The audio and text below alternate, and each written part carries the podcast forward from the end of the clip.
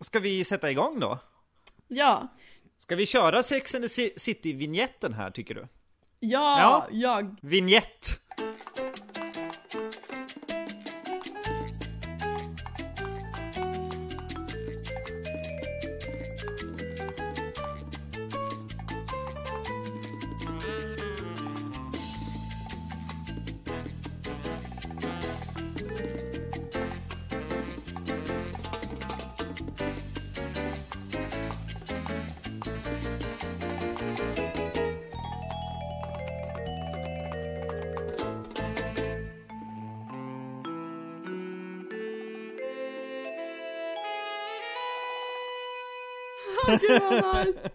Så dricker vi Cosmos. Det är inte så ofta jag dricker drinkar så här klockan 13.00 på en onsdag. Har du sett att jag har en liten sån zest där?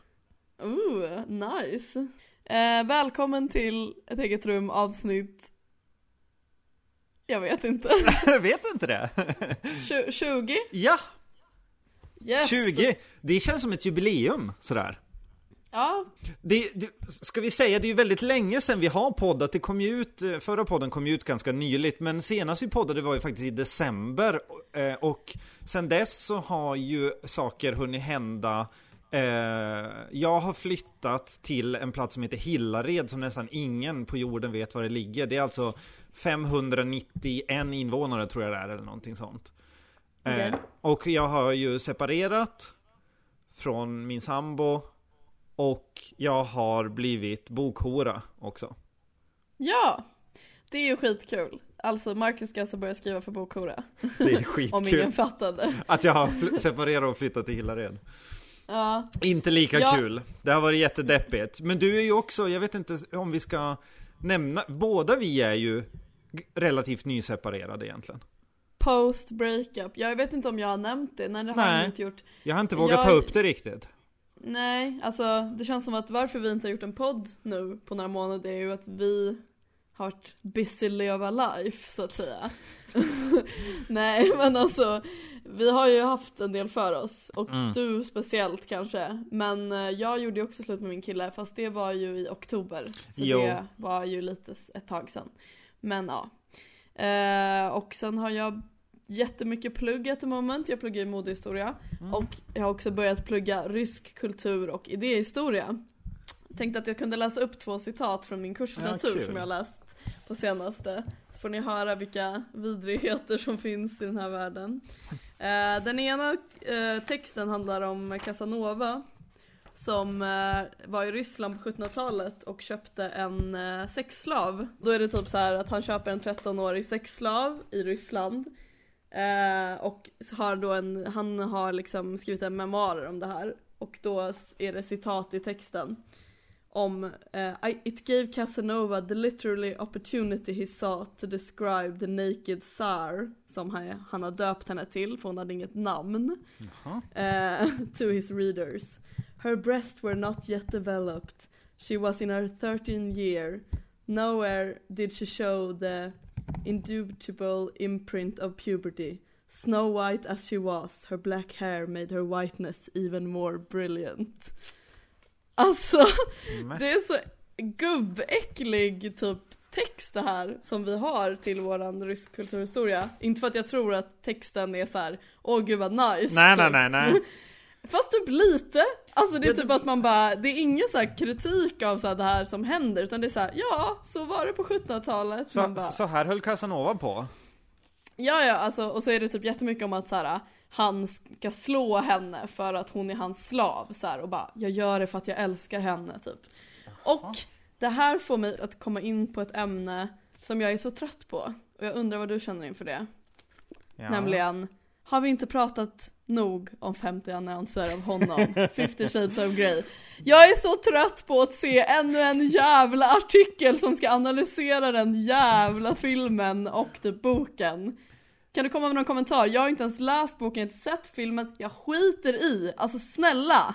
Jag är så trött! Alltså det känns som att alla tog bara ett återfall på samma diskussion och debatt som har funnits så länge liksom. Jag förstår inte riktigt vad det är som är...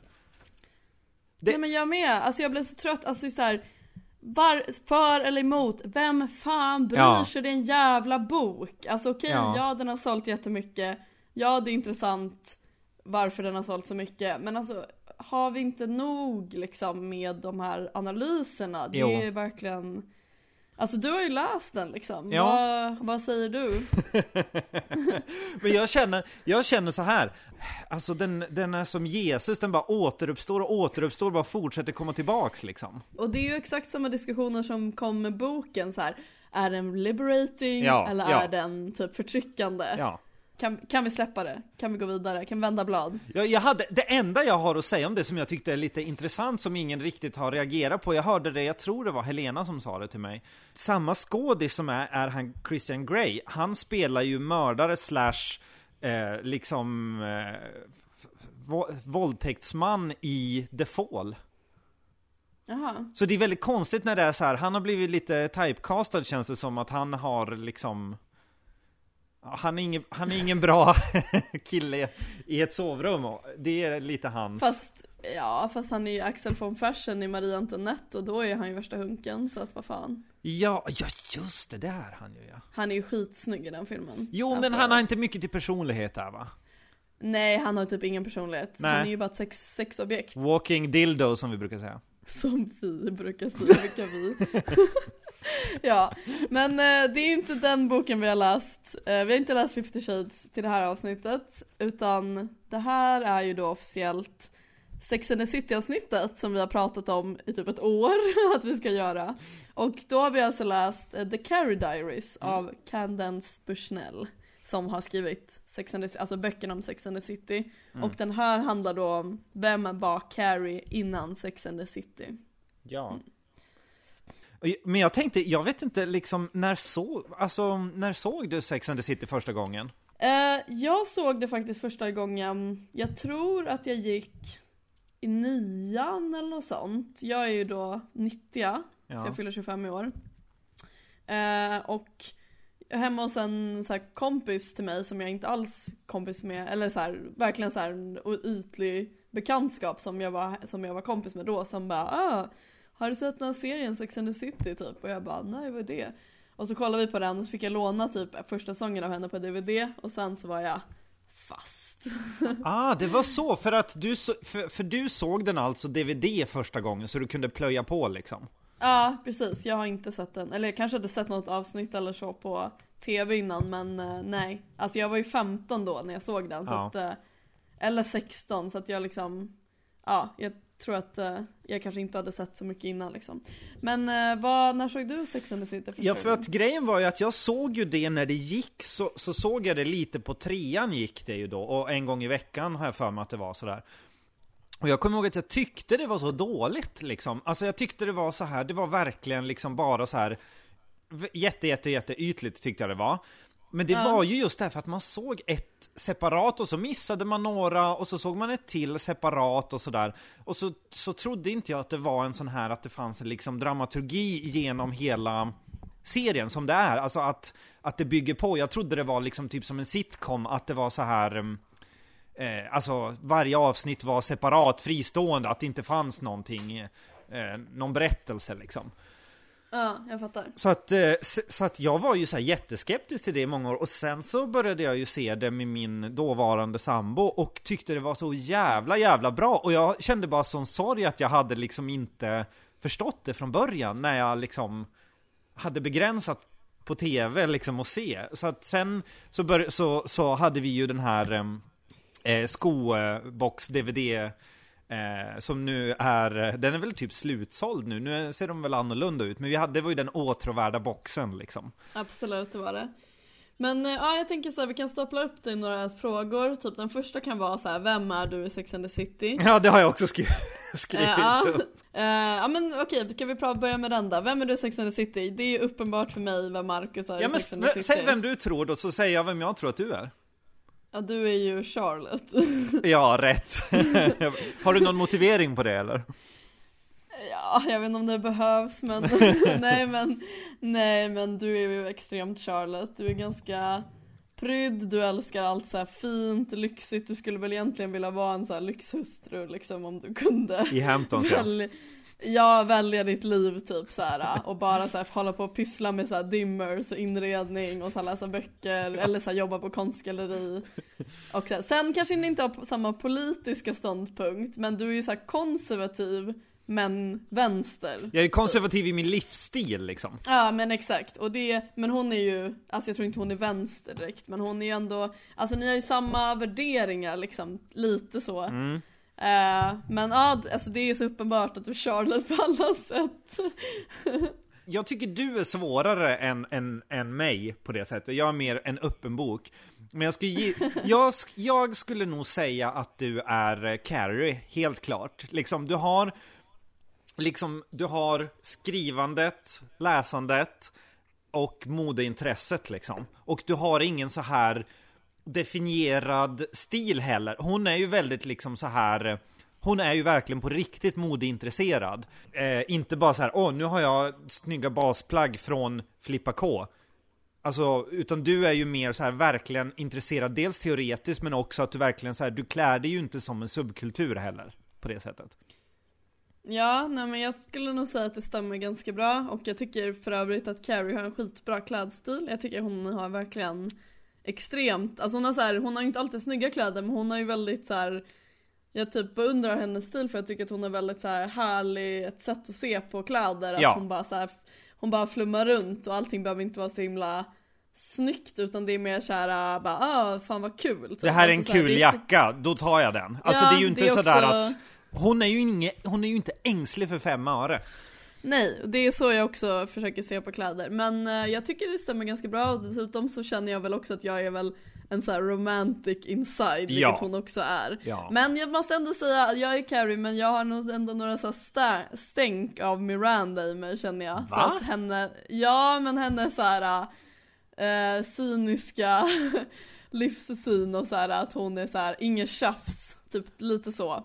Men eh, alltså jag är ju mer Carrie än Miranda, absolut. Men Jag skulle lite... nog säga att den biten av Miranda som är du, då hade jag nog gissat att du skulle säga det är för att du jobbar väldigt hårt när du går in i någonting. Alltså att du är väldigt så här, väldigt noggrann och väldigt liksom pliktmedveten, lojal. Det är ju Miranda tycker jag väldigt mycket liksom.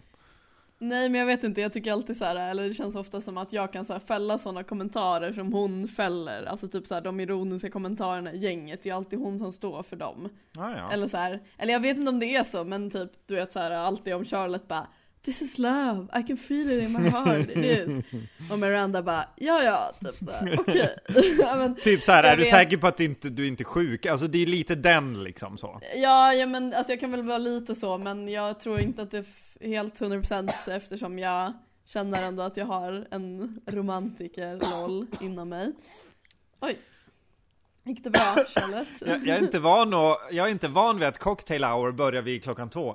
Okej, vilket är ditt favoritavsnitt i Sex and the City? Om du har något? Oj, shit vad svårt. Alltså jag är mycket sådär att jag gillar vissa perioder mycket sådär. Alltså att nu Ja. är jag sugen på del, del, del, del liksom, men det, jag, jag, jag gillar ju liksom alla jag gillar ju big-perioderna liksom. Och jag, Ja. det, alltså det är ju det som är liksom, det är ju så tråkigt svar, men det är ju det jag gillar. Men skulle jag säga något som är kul så är det ju faktiskt att enda gången, det här är ju något som har återkommit för er som lyssnar på podden, alla avsnitt.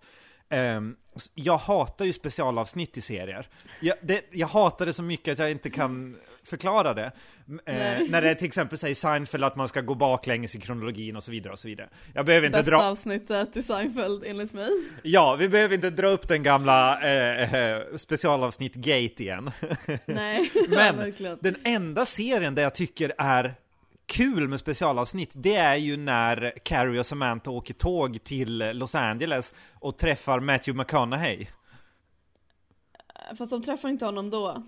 De åker, det här, du blandar ihop avsnitten. Ja, ja. För han, ja, för de åker tåg till San Francisco för att Carrie ska ha en bokuppläsning. That's Men, bullshit Carrie! And you know it! Nej men det du pratar om det är ju när, hon, när de åker till lilla LA, alltså med flyg. Alltså det är ett annat avsnitt. Aha, okej. Ja, det är det jag gillar i alla fall. Ja men jag älskar det avsnittet. Mm. I'm big, okej. Ja, Och när det är att hon träffar Sarah Michelle Gellar som spelar såhär någon assistent typ som bara Guess who's gonna play Mr Big? Guess, guess. Ja.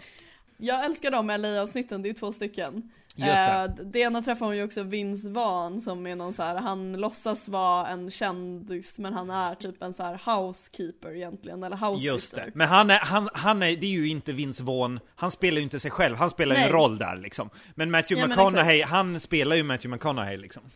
Ja för jag skulle inte typ kalla det ett specialavsnitt. Alltså, Jo, de är ju i New York i alla liksom.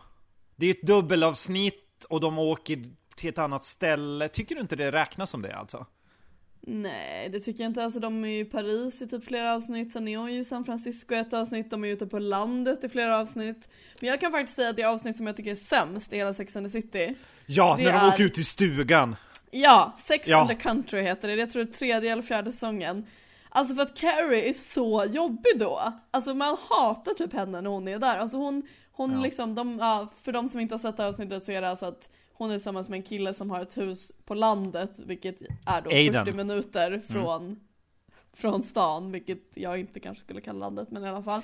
och då, alltså så är hon där och hon kommer dit liksom i sina typ Louboutins och blir typ så här f- sur för att hon typ inte kan så här ja men gå i högklackat typ på landet. Alltså man bara men gud, så här, alltså jag blir så himla irriterad för jag tycker det är verkligen så här. Ja, de gör henne till en mycket jobbigare människa än vad hon är. Jag tycker faktiskt inte att hon är så. Jag tycker de, de gör ju bara det för att här, skapa drama i det avsnittet. Ja. Fast det är i och för sig lite kul när Samantha hookar med den här bonden och bara What are you doing next weekend? Och hon bara Men du hatar väl också när, när, när hon är med Aiden och Big kommer dit? För att då tycker jag alla är jobbiga liksom. Och de, Ja, ja, Big men och. Aiden slåss och sånt där. Jag hatar ju Aiden för övrigt. Vem hatar du mest av alla killar i hela Sex and the City? Ja du, eh, alltså jag älskar ju Petrovski vilket jag vet att ingen annan gör.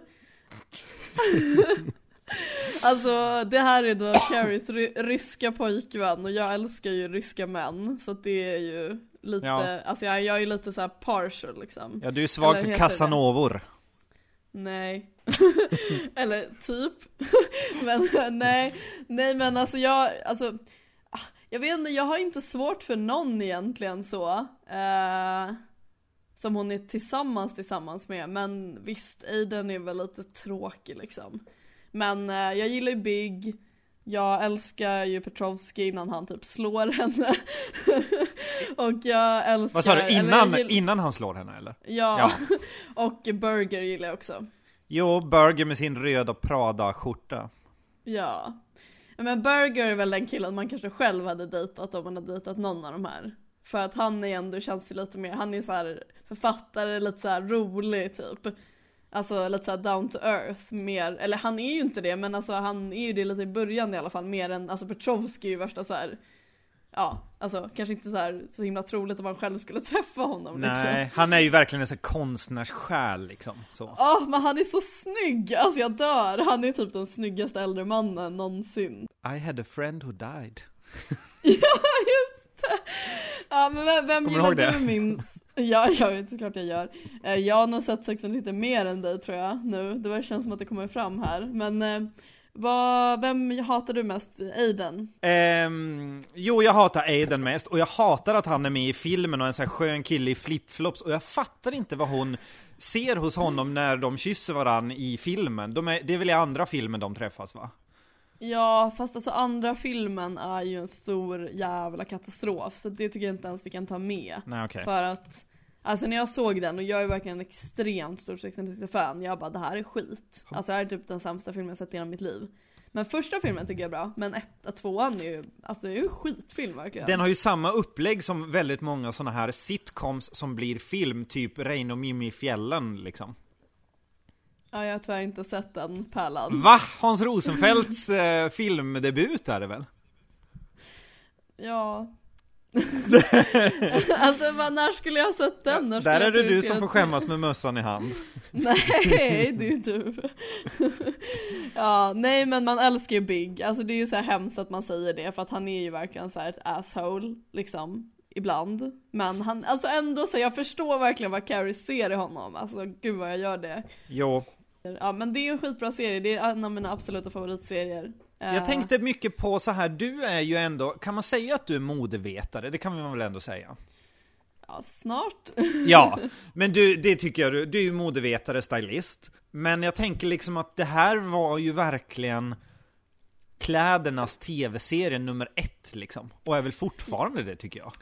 Ja, det, det är väldigt intressant. Vi har ju faktiskt haft en föreläsning om Sex and the City. Ja. Eh, vi såg den filmen och sen hade vi en föreläsning om ja, men hur de jobbar med produktplacering i, eh, i filmen då, framförallt första filmen. Ja. Men det gör de ju även i serien. Och hur den, alltså serien har blivit i princip som en Även om man inte har sett serien så vet man ju liksom mycket om den för att den har fått ett helt annat medium i mode. Den, Ja. är liksom, den har står med ena foten i mode och andra i, i tv-serie. Så att absolut, den har jättestor impact och när den gick så var ju deras Speciellt Carries stil var ju liksom extremt inflytelserik. Ja. Fast vilket jag är lite svårt att förstå för att hon klär sig ju väldigt så här okommersiellt tycker jag.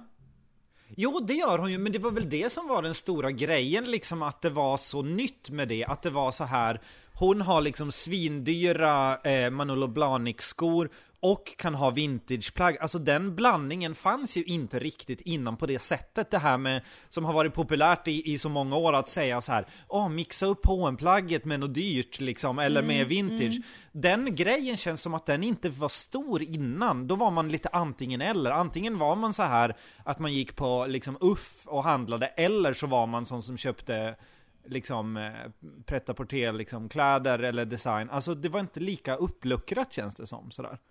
Jo men jag tror att det var, alltså så här, jag var ju inte liksom eh, vuxen då men, jag, men det känns som att det var lite Patricia Field, alltså stylisten Ja. Sex and the City som som gjorde den här grejen trendig. Men det tycker jag också är synd för att liksom i, ja men till exempel sjätte säsongen och i filmerna så har ju inte Carrie den grejen längre.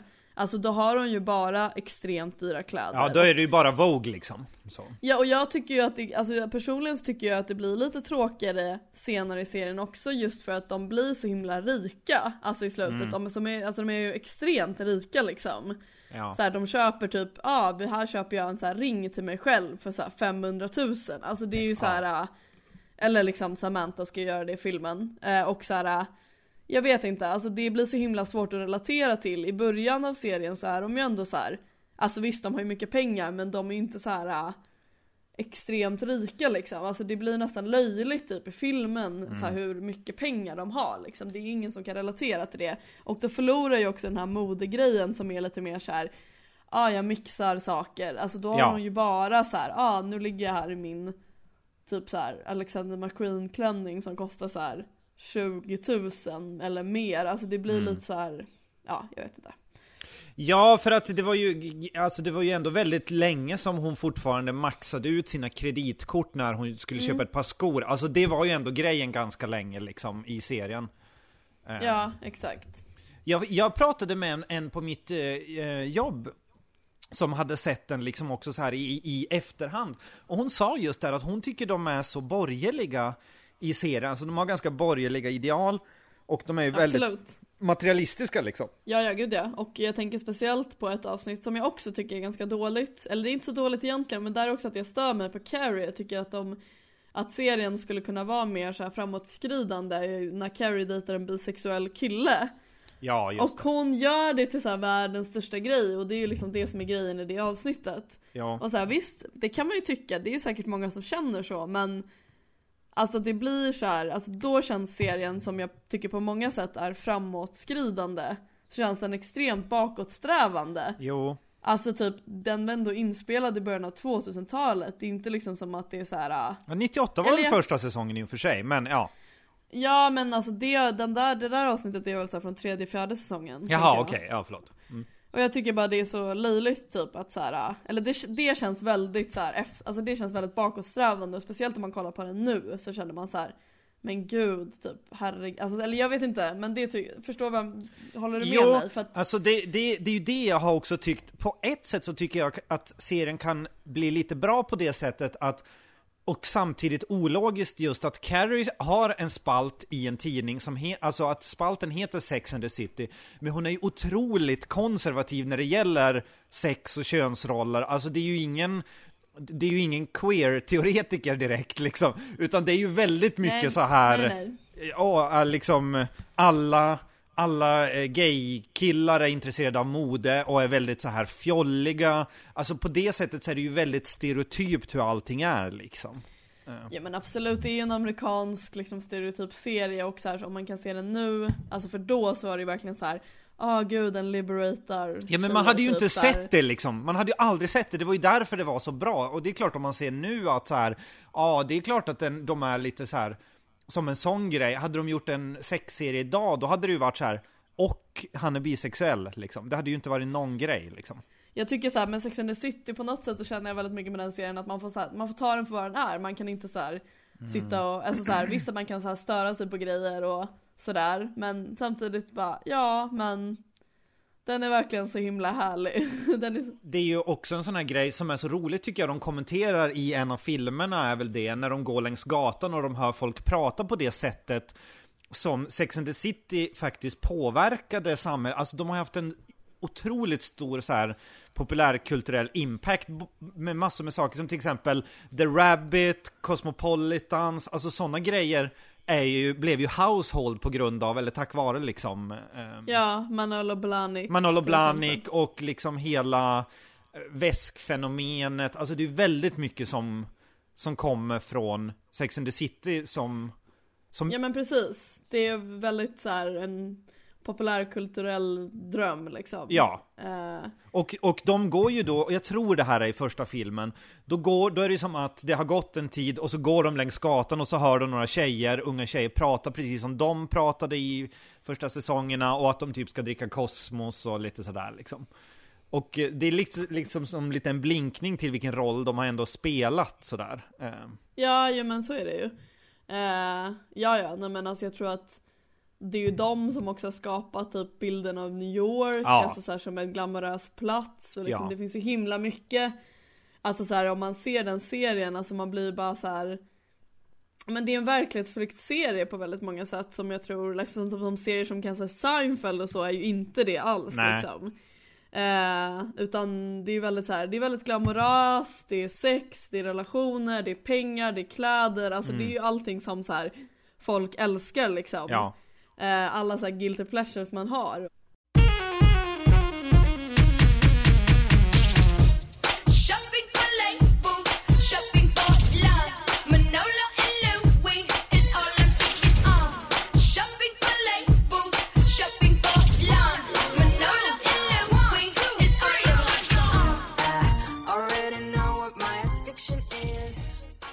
Alltså jag kan ju känna liksom väldigt mycket, eller jag är ju väldigt emot det, att man håller på och spinner vidare på saker i oändlighet för att tjäna pengar. Alltså inte för att, jag förstår ju varför man gör det, men det blir ofta så dåligt liksom. Ja. Och det kanske kan leda oss in på den här boken. Ja. Som då är skriven efter, alltså Sex and the City serien mm. kom ut, den är ju liksom skriven Ja det är ju prequel kan man väl säga egentligen då Ja den är skriven 2010 mm. Eh, och den har också blivit serie och ingen av oss har ju sett den här serien men där, alltså, den här handlar ju då om, om Carrie innan hon eh, Ja men hon går sista året på gymnasiet liksom. Mm. och eh, High school ja, ja precis. Ja och jag, jag tycker det är lite förvirrande för jag har inte läst de, alltså de riktiga böckerna. Jag har ju bara sett serien. Och i serien så stämmer ju inte hennes bakgrund alls med vad den här boken säger Alltså i serien så är det ju att hon, hennes pappa försvann, lämnade familjen när de var tre och hon växte upp med sin mamma som ensambarn. Uh, ah, ja. Man får ju nästan inte veta någonting om hennes uh, familj men det är typ ett avsnitt där hon säger det här. Uh, man får ju nästan här... inte veta något om någons familj i Sex and the City. Nej. Nej men det är väldigt, alltså den enda som man vet lite om dens familj är ju Miranda och Charlotte. Annars så Alltså så här, det är inte så himla mycket med i Sex and the City men jag vill bara, alltså jag, jag tycker att det är väldigt förvirrande för att i ja. den här The Carrie Diaries då, som vi har läst eh, Då är det att hon växer upp med sin pappa som är vetenskapsman Hennes mamma har dött Så det är alltså typ mm. tvärtom Och sen har hon två syskon, ja. två yngre systrar Ja Men ska vi, eh, ska vi ta oss an boken nu? Ja, det tycker jag. Bra. Ja. Eh, ja, den handlar ju då om Carries, det är liksom Carries sista år på gymnasiet i princip från första dagen i skolan till sista dagen i skolan. Eh, Och då får man liksom följa henne, hon är fortfarande oskuld, vilket är en ganska stor grej i boken. Hon, ja, liksom, det är lite så här, kommer hon bli av med den eller inte? Och kommer hon hitta någon kille eller inte? Hon umgås med sina kompisar och drömmer om att skriva och bli författare. Och det är typ det boken handlar om liksom. Mm. Mm, och hon drömmer om att flytta till New York, för hon bor alltså i någon småstad. Vad säger vi om omslaget? Hur, hur ser det ut? Det signalerar ju väldigt mycket ungdomsbok genom det här liksom tecknade, eh, eh, det står med rosa text på en guldhandväska, Carrie, och det tycker jag in, indikerar så här, det är någon form av så här ungdomsboksaktig layout. eh, Och först tyckte jag det var lite så här jag vet inte, först tyckte jag det var lite fånigt, men, men sen, det finns ju en sån väska i berättelsen som har, det är ju hennes mammas väska som hon har lämnat efter sig, alltså mamman som har dött har ju lämnat en väska då till eh, Carrie. Så det är ganska fint tycker jag att den är där på omslaget. Ja, alltså det är ju ett guldigt, liksom lite glamoröst omslag som Mm. spelar väldigt mycket på att man har sett serien liksom. Ja. Och det skriker ungdomsbok och det är ju en ungdomsbok också. Alltså jag tänker så att det är jättebra för den, för den målgrupp som den vill åt liksom. Men personligen så tycker jag inte att det är ett snyggt omslag. Men, Nej. alltså, men, men det är ju liksom, det är ju, funkar ju för den målgruppen och det tilltalet den vill ha. Så absolut. Ja, och man Men- får direkt känslan också så här att här kommer det ändå vara lite glam. Alltså det är ju inte jättemycket om kläder, men hon nämner ju ändå det lite grann sådär. Ja, men exakt. Eh, ja, nej men så att alltså det är ju liksom, det hade ju varit fel med ett modernistomslag så att det här är ju helt rätt liksom. Jo, det, alltså jag kan tycka det är lite kul, eller bra att de har valt just den där, för att det känns som att hon i den här boken försöker hitta sig själv på många sätt, och det är liksom en av parametrarna till, om man tänker på serien sen, vem hon blir, just det här, hon har det här modespåret, hon börjar ju få komplimanger från främlingar för den här väskan som hon har gjort själv då liksom. Eh, och, eller att hon har målat sitt namn och sådär. Och så börjar hon ju också hitta sin egen röst som författare eller skribent eller vad man ska säga. Alltså i början så skriver hon ju väldigt så här påhittade, fantasifulla eh, berättelser eller noveller liksom. Och så går hon liksom sakta mot att hon ska gräva där hon står i stort sett. Ja.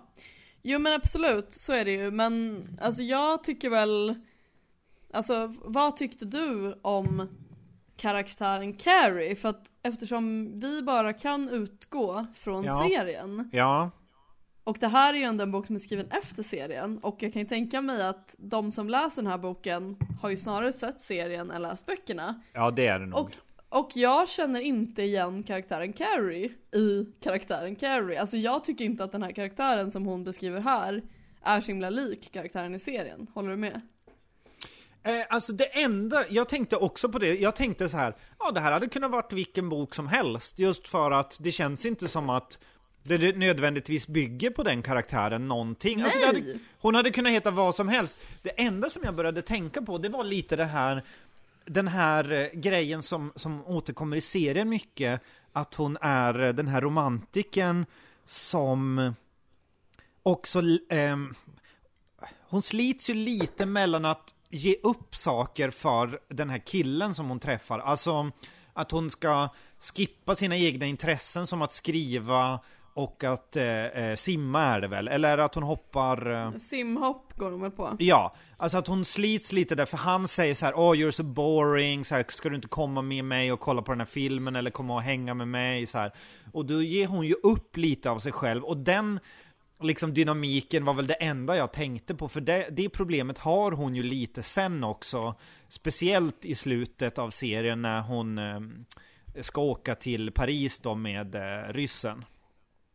Jo absolut, men det är så himla litet drag. Alltså, Ja, ja, Jag, alltså jag håller verkligen med dig att den här boken hade ju kunnat handla om vem som helst. Det är liksom, ja men karaktären Carrie i den här boken är ju typ så här lite av så här den alternativa tjejen typ på skolan som är så här klär sig lite som hon vill, gillar att skriva, är lite så quirky, gör lite konstiga upptåg, skiter i de populära. Alltså det tycker inte jag alls är Carrie-serien överhuvudtaget.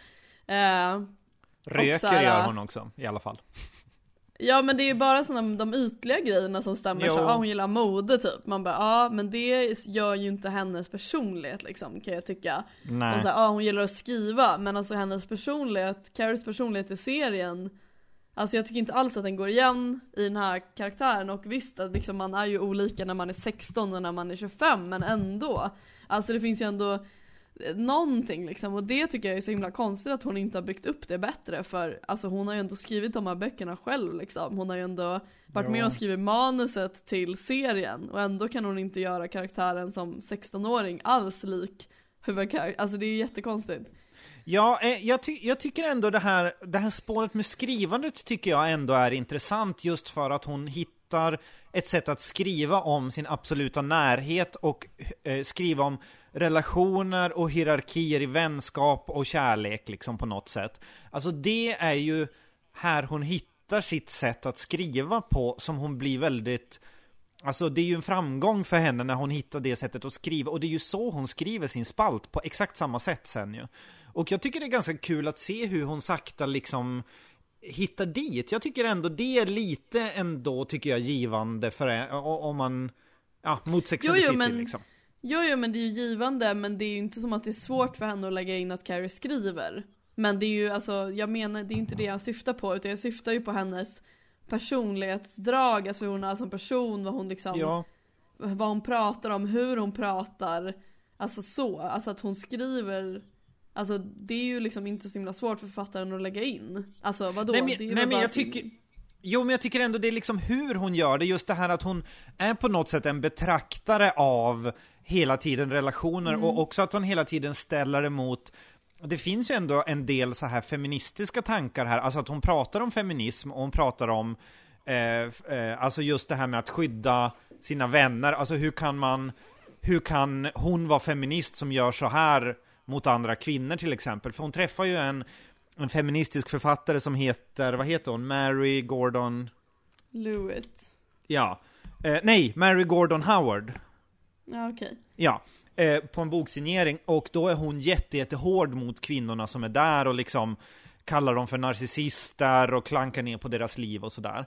Och hon, hen, då faller ju hon i, i Carries ögon och hon på något sätt, jag tycker konklusionen av att hon ska hålla sina liksom medsystrar om ryggen tycker jag ändå är ganska så här genomgående här och någonting som man ändå ser i serien sen att de är liksom hoes before bros liksom, eller vad man ska säga. Jo, fast att vara så är ju inte samma sak att vara feminist. Och det tycker inte jag att Carrie, Carrie uttrycker ju överhuvudtaget ingen feminism i serien enligt mig. Alltså Eh. hon är ju inte feminist, hon är ju liksom, ah, jag älskar mina tjejkompisar, det är inte samma sak. Alltså, överhuvudtaget. Och så här, jag tycker på det, alltså jag störde mig på att hon var så feministisk i boken, för jag tyckte också att det var någonting som inte går igen med hur hon är i serien. Alltså inte att hon är emot feminism eller för, men hon är ju bara opolitisk i serien, alltså hon skiter ju i sånt. Hon skiter ju i det, alltså hon, de är ju helt ointresserade av politik i serien. Det är ju ingen som säger att de är feminister, de är ju inte feminister. Nej, men jag tänker bara just att det formar så mycket den här liksom tajta vänskapen, att det behöver inte vara på ett politiskt plan, utan jag tänker mycket att det är på ett personligt plan sådär, att hon kommer på hur hon vill vara med andra kvinnor, liksom, att hon vill inte Alltså den här konkurrensen som finns som hon ser på high school, att hon liksom analyserar den och sätter ord på den och sen så blir hon ju faktiskt vän med sin, eller liksom eh, sin ärkefiende Donna LaDonna, nej Donna LaDonna. Ja, just det. ja. Ja, jo absolut, men nu känner jag igen att vi kommer till det här momentet att du inte kan kritisera en bok utan du måste försvara den till alla medel när det så här faller. Nej, men, jag Eller tänker, så här- men jag tänker bara att så här, att hon är, nej hon är inte politisk på det sättet att hon har några så konkreta förslag kring föräldrapenning liksom. Att hon, vad hon tycker är bra, men hon har liksom någon form av så här identitets... Eh, alltså politik eller vad man ska säga, alltså hon, hon bild, någon sorts Jo. värdegrund kanske man ska säga istället då. Jo, absolut, men det är ju det jag menar från början med att hon inte är lik sig i boken till serien. För att i boken är hon ju helt, eller i serien är hon ju helt opolitisk. Men i boken trycker de ju jättemycket på att hon så här Åh min mamma lärde mig vad feminism var, bla bla bla bla bla, jag är den alternativa tjejen, typ. Vilket så här, det, Ja. alltså, men visst hon kan ju varit så, alltså det är ju, det menar, man, man är ju olika. Men jag tyckte att det var lite löjligt att de la in massa grejer med feminism. För jag tycker liksom Sex and the City handlar inte om feminism. Alltså så här, varför, det kändes som att författaren var så här. Nu är det inne med feminism, då kan jag typ lägga in det Ah, i boken att hon Ja. var det. Men alltså så här, om man tänker på karaktären Carrie i Sex and the City, är hon inte feminist. Och, Nej. Ja, jag vet inte. Nej, jag håller och med. Det Jag- tyckte jag skilde liksom. Ja. Alltså det var en av de drag som jag bara, varför gör de det här till en grej? För att det finns liksom inte, typ. Så. Okej. Ja. Förlåt. Nu vill inte jag prata om mig. Nej, men eh, jag kan prata lite mer. Hon har ju liksom, förutom Carrie så är det ju många andra väldigt viktiga karaktärer i den här boken. Och det är ju då hennes klick eh, på skolan. Som består av karaktärerna Musen, Maggie, Lally, eh, Walt, Peter och hennes ärkefiende då Donna, La Donna, eller Le Donna. Ja.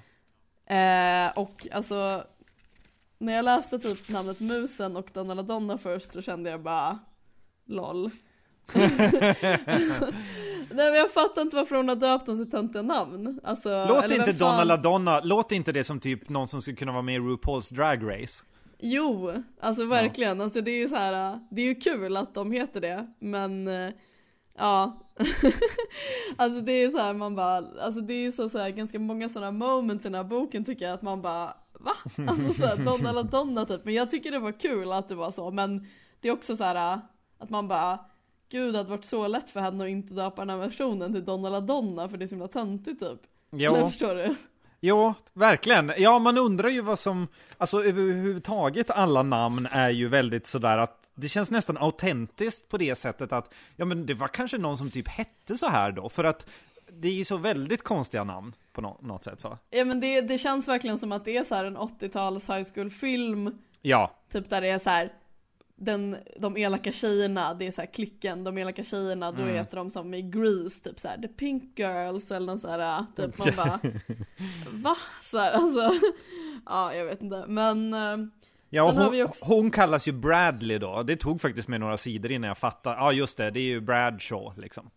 ja, och de ska ju liksom vara på skolan, typ. De så smarta eh, Fast ändå, de, de är smarta men de gillar ändå att festa, de röker på lite men de är lite så här alternativa de, de anser ju själva att de är en antiklick på Just det. skolan. Ja. Eh, De har ju ja. det filosofiska resonemanget, är en antiklick även en klick? Ja. Men det är ju väldigt mycket så här, alltså den här boken är ju väldigt mycket så här, den är superlättläst, det är väldigt mycket så här high school dramatik liksom. Och jag tycker den, alltså jag tycker den var väldigt så här härlig att läsa, den går ju väldigt fort att läsa. Eh, och den är väldigt så här, det är mycket dialog och så här.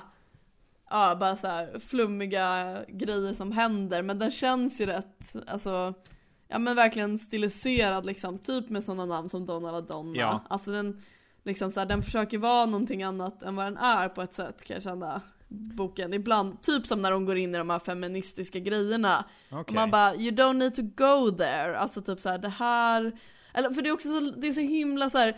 Åh, min mamma sa att man kan vara, fortfarande vara en snygg tjej och vara feminist, man kan fortfarande ha höga klackar och vara feminist. Det är jättebra, man bara, Men det var ju det som var lite, alltså det måste jag ändå säga, det var ju på något sätt Sen kan man ju tycka att ja, det borde ha kommit tusen år tidigare, men det var ju, det är litet legacy av Sex and the City var ju just det här att visa kvinnor som arbetar hårt, tjänar sina pengar, köper det de vill ha och liksom festar sådär. Alltså och ligger med vem de vill. Liksom. Det var ju mycket det som var ett, ett arv, även om det inte var feministiskt i bemärkelsen att det var någon feministisk analys så blev det ju en feminism av det från Sex and the City.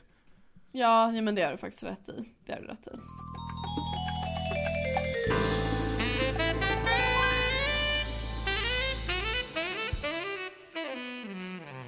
Då är det alltså i slutet så har Carrie och Donna och Donna blivit kompisar, vilket hände typ över en natt för läsaren. Men hur som helst. Eh, och Carrie har då skrivit eh, lite artiklar i deras skoltidning som heter The Nutmeg. Eh, Vad tycker du om det och- namnet? Ja, det namnet är så jävla sämst. Eh, och men det är också så här, man bara varför typ? Men ja, ja. Eh, och då eh, har de skrivit en artikel om Donna Donna. typ Muskotnöt hon- betyder det va? Eller? Jag har inte kollat upp det. Nej men jag tror det. eh, Ja skitsamma, ja, det är inte ja, Mm. mus- Muskotnöten. och då har hon lä- skrivit en artikel om Donna Donna, typ såhär, ja ah, hon är så här skolans drottning liksom. Mm. Eh, eh, och då Queen. säger Donna Donna till Carrie, jag antar att jag trodde att jag bara kunde köra över dig, men sen läste jag den där storyn i The Nutmeg. Jag borde ha blivit förbannad, men jag kunde inte låta bli att beundra dig liksom. Jag tänkte, det här är en tjej som tror på sig själv, som står på sig, mot mig. Och det är inte många tjejer som gör det. Och man bara, vem har en sån speech typ så här? Det känns Bara, väldigt så här. I'm preaching liksom. Ja men det känns väldigt som en sån här scen som är typ någon maffiaboss och någon som vågar sätta sig upp Ja. för maffiabossen och så bara I like your style, bara typ. Och så blir man eh, en made guy efter det på något sätt. Ja men exakt så bara, du är inte rädd för mig, jag gillar det hos dig. Ja! Den, och man bara, men gud. eh, ja, Ja, men Donna, Donna är en ganska härlig karaktär tycker jag. Eh, hon är ju också, kommer ju också fram i den här boken som Samantas kusin. Eh, vilket är lite kul. Men eh, alltså även, precis som i Sex and the City så är ju den här boken fokuserar ju också ganska mycket på Carries kärleksliv. Och Carrie har ju då två män som hon eh, har i sitt liv och den ena skulle man väl kunna beskriva som en bad guy och den andra som en good guy. Som till exempel kanske, ja, typ Big och Aiden fast inte riktigt. Nej, Eh, och precis. the bad guy då är ju en skolans nya kille, skitsnygg, som heter Sebastian Chyd. Eller Kyd. Och sen eh, den snälla killen heter då George och går på Brown som hon ska börja på, på college då. Han är en riktig svärfarsdröm. Uttalar ju till och med eh, Carries pappa då. Det är precis en sån kille som en pappa vill se sin dotter dejta typ. Ja, precis. Och Carrie har ju då det vanliga problemet. Hon gillar den dåliga killen istället för den bra. Eh, ja, vad tyckte du om Sebastian Schyd? Alltså jag, han är ju sån dude liksom. Han är ju så dudig tycker jag. Ja, jag hatar ju honom. Ja, jag med. Han är så, så här, han tycker han själv är så skön och han är så här, han kör korvett, gul korvett också. Vilket hon ju bara dras till därför att pappan tycker att det är en dålig bil och ett dåligt så här, tecken på karaktär liksom.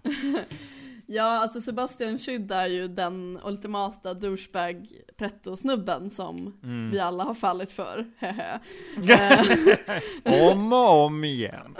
om och om igen. Och Och igen Alltså- och igen. Ja, och, nej jag skojar bara. Men eh, alltså han är ju verkligen Alltså jag har skrivit här, stör mig som fan på Sebastian, som jävla pretto-tönt. Ja, ja. Eh, och det är han ju verkligen. Alltså han är sån jävla tönt! Alltså jag hatar honom. Han, han, sitter, han är väldigt mycket så här. tjejer är så, killar är så, Ja, typ ja. de går på bio och kollar på den gode, den onde, den fule och då är det Mm. typ att han bara, men gud, gillar du den här filmen eller? Så här, och du är tjej, så bara, det är så sjukt typ så här, jag trodde bara att du gillade romantiska komedier. ja. Du är så cool och man bara, gud vad pinsamt. Ja, han, han nästlar ju in sig i, ett, i, en, i en diskussion där som är typ så här. ah, du är som en kille fast i en tjejs kropp, det gillar jag. Då för att hon, Ja. hon kan se då en, en film som Clint Eastwood är med i. Och, och hon börjar ju ta då att så här, Vadå, tycker du jag ser ut som en kille? Och då nästlar han ju in sig lite i någon form av konstigt resonemang där att han, ja, för att prata Gillian Flynn-språk, han vill ju ha en cool girl, liksom. Mm, det vill han. Eh, men han är ju en future wife beater. Tänker du det alltså? Ja, Ja, okej. absolut. Han är ju kontrollerande mot ja, henne. det är han, ja. Och han är ju senare i, i, i boken då otrogen mot henne. Mm. Och ett svin på alla sätt skulle man väl kunna säga. Alltså, det är väl, alltså han är ju inte så himla förmildrande beskriven liksom efter ett tag. Nej. Alltså, han, och va, alltså han är ju så här, typ de sitter och käkar middag. Och det är kanske att hon är lite så här lite nere och då är han typ så här, men gud du är så känslig. Jag, jag orkar inte med det här, så här. Nu har jag bjudit ut dig på en fin middag. och du typ sitter här Ja. och är typ så himla negativ så bara bara skärp dig. Alltså så här, helt sjukt att säga något sånt typ. Eller så här, okej inte helt sjukt men alltså om man från hennes perspektiv så är det ju typ att hon så här, försöker vara jättetrevlig. Ja. Och han typ så här säger åt henne att hon är så här. Alltså bara, han bara men gud du är så känslig jag förstår typ så här, jag kan inte. Alltså han är ju verkligen en future wife beater. Han har sån jävla wife beater aura Han, på sig. han gör ju också det som borde få alla att bara resa sig upp på en första dejt, att han beställer åt henne det hon ska äta.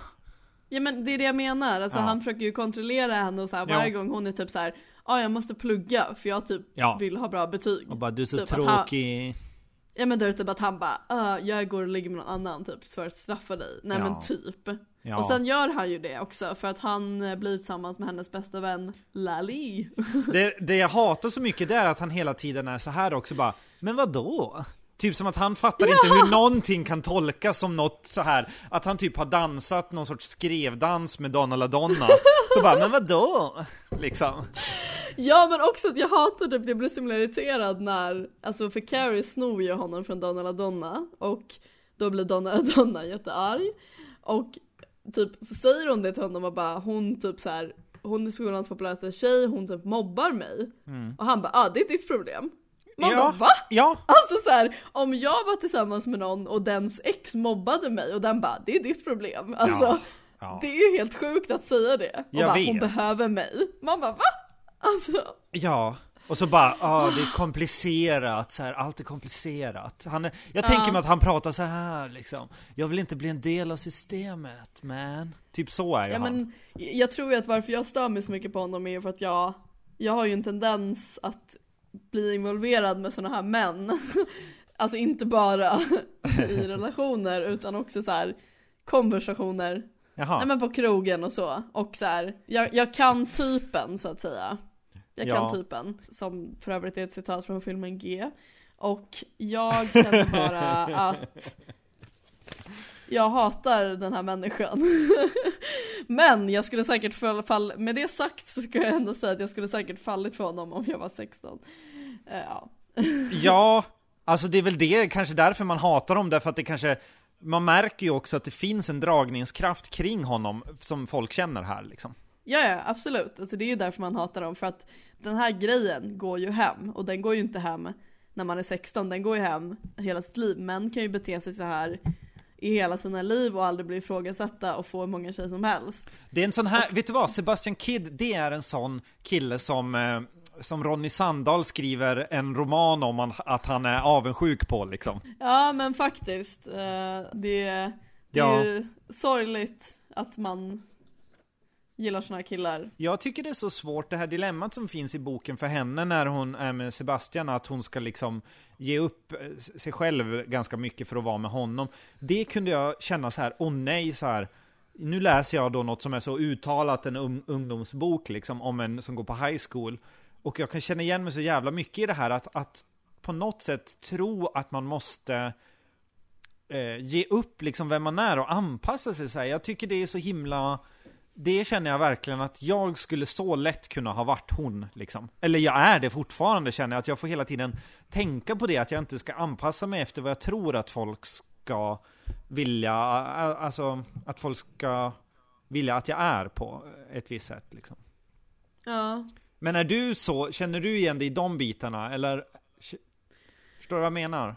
Ja, ja, gud jag förstår vad du menar. Alltså jag tror inte att jag Du känns mer stark mycket. än, alltså du känns som att du har bättre självkänsla än vad jag har på det sättet. Men jag tror bara att jag är liksom tvärtom. Jag kan nog inte riktigt förställa mig. Alltså så här, jag tror snarare att jag har försökt och jag har inte gått dem bra. Nej. Nu har jag börjat skärpa mig lite med sånt, men jag tycker det är så konstigt att man liksom Ja, det är konstigt när man läser om någon som är så, om man ser att det är så uppenbart så dumt att man bara säger nej men gå till din simträning, alltså du ska inte vara med någon som inte tillåter dig ens att gå på en jävla träning liksom. Och då känner jag Nej. så här, ja men det hade kunnat vara jag det där, nu liksom. Och jag är ändå snart 25. Ja. Jo, nej, men Vad härligt alltså, att du bara accepterar att jag ljuger om min ålder. Ja, det tänkte jag inte på. Ja men vi, vi kan, vi, det är lite Sex and the City att ljuga som sin ålder faktiskt. Ja, vad är det Samantha ljuger om att hon är? 40, eller? Alltså det beror ju på när du är serien du är liksom. Eller Men säger jag- hon i slutet där så är hon väl typ forever 38, hon kommer aldrig bli äldre än det liksom. Ja, jag vet inte, men hon fyller ju 50 i första filmen. Eh, men ja, Ja, men jag tror det är 38 hon då officiellt kallar sig. Ja. jag fattar. Eh, ja, nej men jag vet inte, alltså. Där är så här, jag tror att det är lite svårt för mig att relatera till det där. Visst att man kan liksom vara så här. Ja, jag ska inte höra av mig nu eller så här. Visst, jag ska verka intresserad av det här. Alltså så här, såna små grejer. Men liksom om man tänker på hela ens personlighet. Alltså det går ju inte för mig att ändra det liksom. Eller så här. Nej. Jo, det går. Alltså, det, bara, eller ja, du menar att du inte, du kan, du är inte så bara att du kan göra det. Det kommer inte naturligt till dig liksom. Nej, alltså varje gång jag har försökt att liksom oppressa vissa sidor av mig så har det gått ganska dåligt typ. Ja, okej. Ja. Jag är en sån här människa som bara jag är bara ärlig, jag är mig själv och då får du ta det. Nej. Och jag är mer av en, jag är mer fucking falsk. Ja, faktiskt. Du är lite mer fucking falsk. Nej men jag vet inte men Genom att jag fastnar så himla mycket för det spåret så kan jag läsa bara snabbt ett sånt stycke. ja. Ehm, eh, hittills har det största problemet med killarna jag dejtat varit att de inte varit särskilt smarta. Och till slut har jag börjat avsky mig själv för att jag var tillsammans med dem. Det skrämde mig att försöka låtsas vara något som jag inte var. Jag såg hur lätt det var. Och det fick mig att inse att det var precis vad de flesta andra tjejer också gjorde. Låtsades.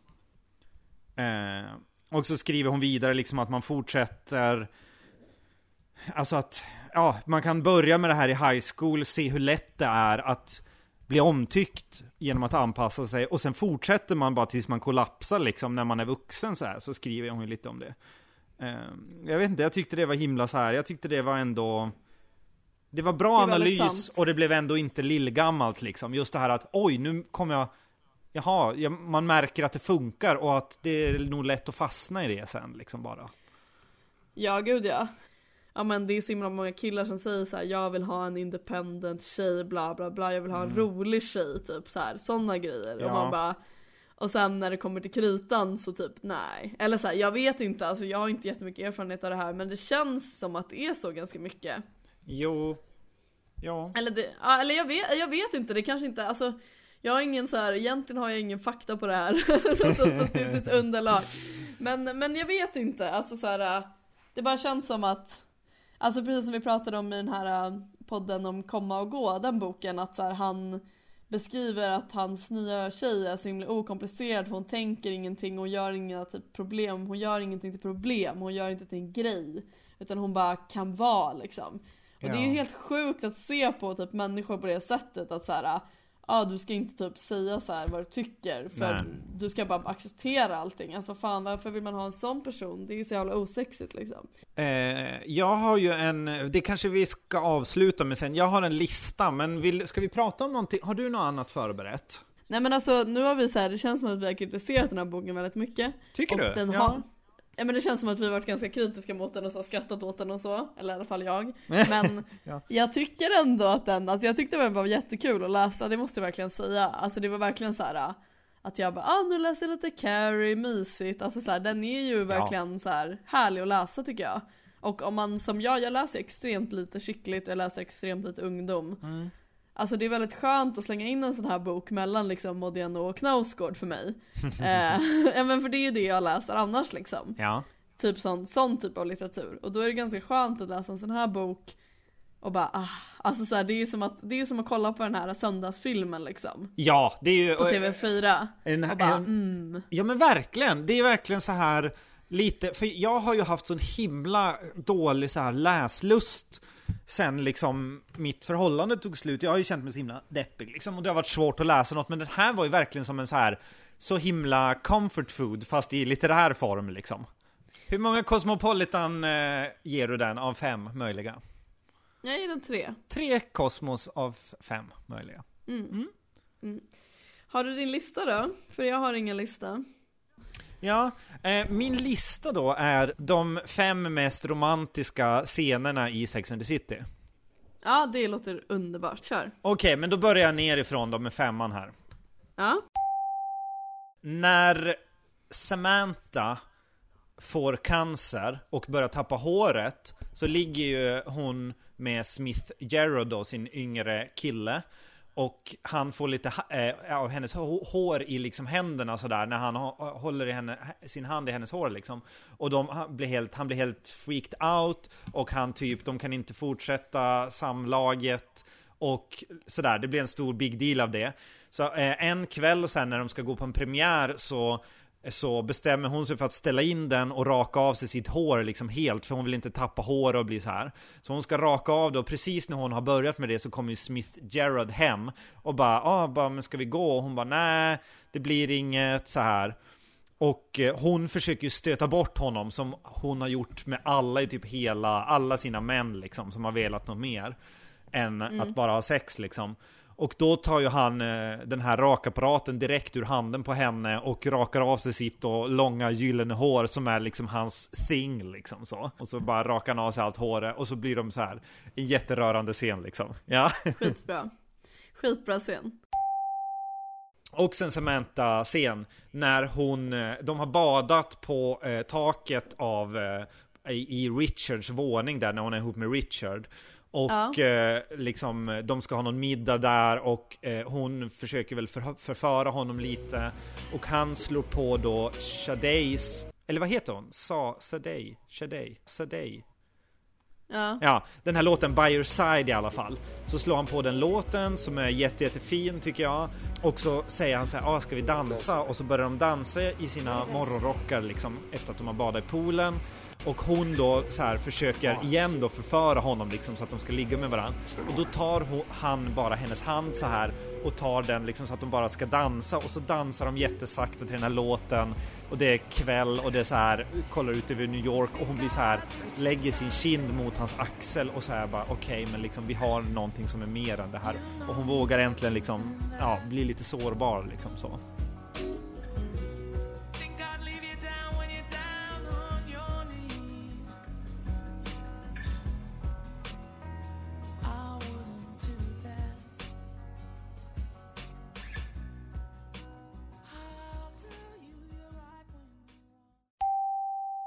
Trea på listan är då eh, mot slutet är ju det då när eh, Steves eh, mamma har börjat bli dement och virrar bort sig på stan och Miranda tar hand om henne letar upp henne, tar hand om henne och badar henne liksom så här. Och så kommer Magda då, hushållerskan in och säger så här bara eh, You know what that is? That is love. What you, ja. what you just did, that is love. Och jag blir såhär, ja. jag får gåshud nu när jag berättar det. Jag berättar det inte så bra, men det är så här, alla som, alla vet vad jag menar för scen. Vi vet. På plats nummer två är ju då när eh, Big flyttar till Napa Valley är väl det. Mm. Och de har träffats på kvällen innan och sen dagen efter så är han bara borta eh, när hon kommer till lägenheten.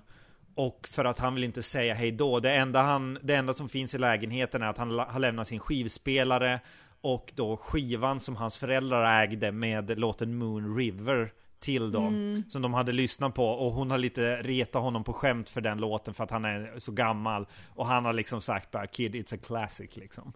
Mm. Så då får hon liksom, han lämnar kvar den till henne och jag tycker det är så här det är då man känner så här, åh Big liksom, det är ju ändå ja. han som är, och det är ju på något sätt någon sorts halvlek i deras förhållande när han flyttar bort där ett tag liksom.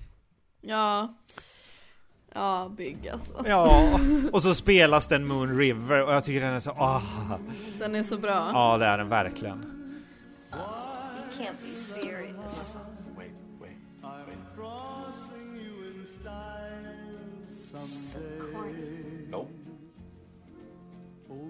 classic. Listen. This was my parents' favorite song. They used to put it on before they went out on the town.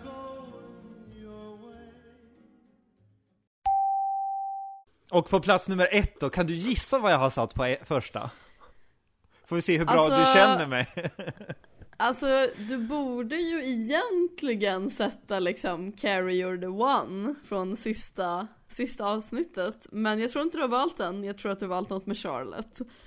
Så let's hear. ja, det är väldigt bra av dig. Det är väldigt snyggt. Jag resonerade exakt som du säger nu. Mm. Um, jag har då tagit att när Charlottes drömäktenskap med Trey McDougall, spelad av Kyle MacLachlan. När... Våran favorit i den här podden. Exakt. Men i alla fall, scenen är då att när Charlotte och Trays drömäktenskap har krackelerat helt, då är ett hemma hos-reportage redan inbokat som ska vara för om det är någon sån här ja, någon stor tidning eller magasin är det som ska göra ett hemma hos i den perfekta våningen hemma hos paret då eh, eh, Trey McDougall liksom, eh, herr och fru. Och eh, hon har liksom sett fram emot det här så mycket och hon är liksom så här, ja ah, men då får jag fota det här själv då, eller liksom ska inte vi vara med på bild? Och det är en sån jävla ångest för henne, för det är liksom symbolen för hennes misslyckande där. Och då ställer han ändå upp för henne på den här fotograferingen. Och jag blir så, det är fan det finaste jag har sett i någon tv-serie eller film någonsin. När han ställer sig bredvid henne och de spelar det här lyckliga paret ihop liksom framför kameran så. Ja. Åh, det, jag, jag, tycker ju inte att det här är En single tear kommer nu längs Tuvas kind. Alltså jag visste att du skulle säga den här scenen och det är så himla du att säga det, för det är liksom det här som definierar att du är Charlotte, att du tycker att det här är den mest romantiska scenen, för det är det verkligen inte tycker den jag. Den är så fin. Oh.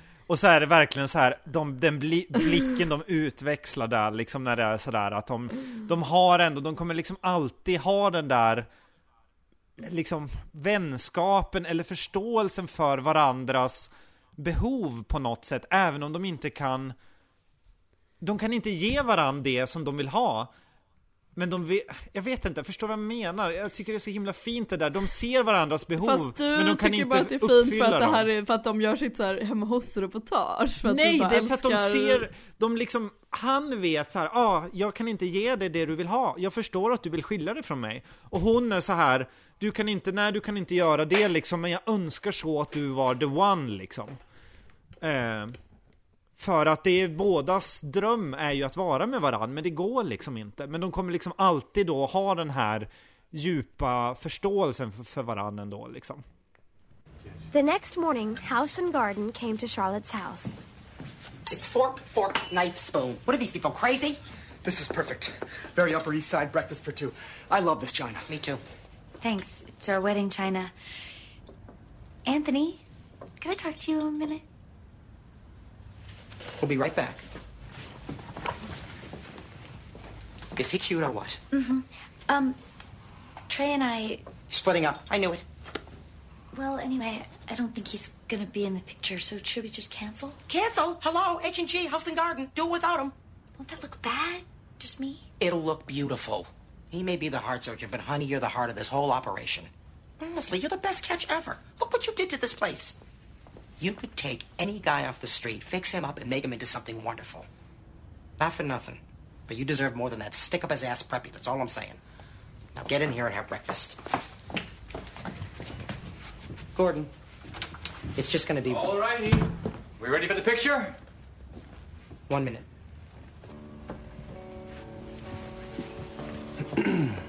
Trey, you, you don't have no. to.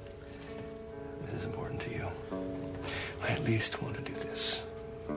Handsome husband, beautiful wife, having breakfast. Smile. Trey had moved out by the time the magazine was on the stands. But all over America, little girls in their mother's pearls saw the picture and thought, that's what I want. Ja, Eh, håller inte med riktigt om sista kanske. För att jag gillar inte Trey, eller så här, jag gillar inte deras relation liksom. Va? Va? Vadå? Han är ju skitstel! Class kallas det för. Grace, har du hört talas om det? alltså, alltså han är ju sån tönt! Alltså, han är ju, alltså, alltså jag menar ja, han är ju typ, för Charlotte så passar han ju jättebra, men alltså mm Usch, alltså Ja, jag gillar ju Harry tusen gånger mer hennes andra man. Och jag tycker att det är en mer romantisk scen när Harry, när hon och Harry har gjort slut och så kommer han till synagogan och så är det typ att hon bara I'm sorry for everything I did, typ såhär, jag hoppas bara att du, typ, att vi kanske kan vara vänner eller någonting. Och han bara, nej det är inte nog. Och så bara, jag tycker vi ska gifta oss. Ja, just det. Eh, men alltså jag tycker väl, ja, jag vet inte, nej men absolut, alltså jag förstår varför du säger det här. Men Ja. jag kommer från ett annat håll. Men han passar ju Charlotte bra, tycker jag. Eh, liksom till viss del då. Men eh, ja, nej men jag måste väl säga att den av dem som du nämnde där, då tyckte jag nog den med Carrie är den bästa. Eh, och den med Samantha och håret, eh, Just tycker jag är jättebra. Ja. Men jag, tänk, jag satt och tänkte på nu när du läste upp de här, ja men vilken jag tycker, men Ja. alltså Tycker ändå att du tog eh, så här väldigt bra moments liksom I deras, eh, ja men historia, alltså Det är en jävla bra serie och om ni inte gillar den så Ah, Jag vet inte, det är inte okej. Nej, jag orkar inte ens gå in på det. Nej, nej jag vet. Du blir så, du får en sån här nerv i pannan som bultar när du tänker ja, på det. ja, typ, alltså, typ. Gud, jag känner mig nästan lite trött i huvudet nu. Ja, men ska, Jag känner att man måste ta lite mat typ. ja det ska jag nog också göra. Jag har faktiskt köpt prinsesstårta jag ska äh, äta ikväll också. Okej, men Ja. det, ska jag, stä- jag stänger av den här nu eller? Ja, det kan du göra. Ska vi säga hej då eller? Nej, vi skiter i det. Vi lägger på Moon River kanske? Ja, gud vad bra. Are you cold? No, I'm still in shock. This is so surreal. I mean, what? Where? How did you even get here? It took me a really long time to get here. But I'm here.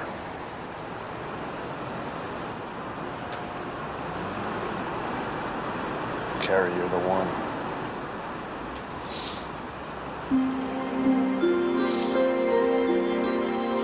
Kiss me if they cry.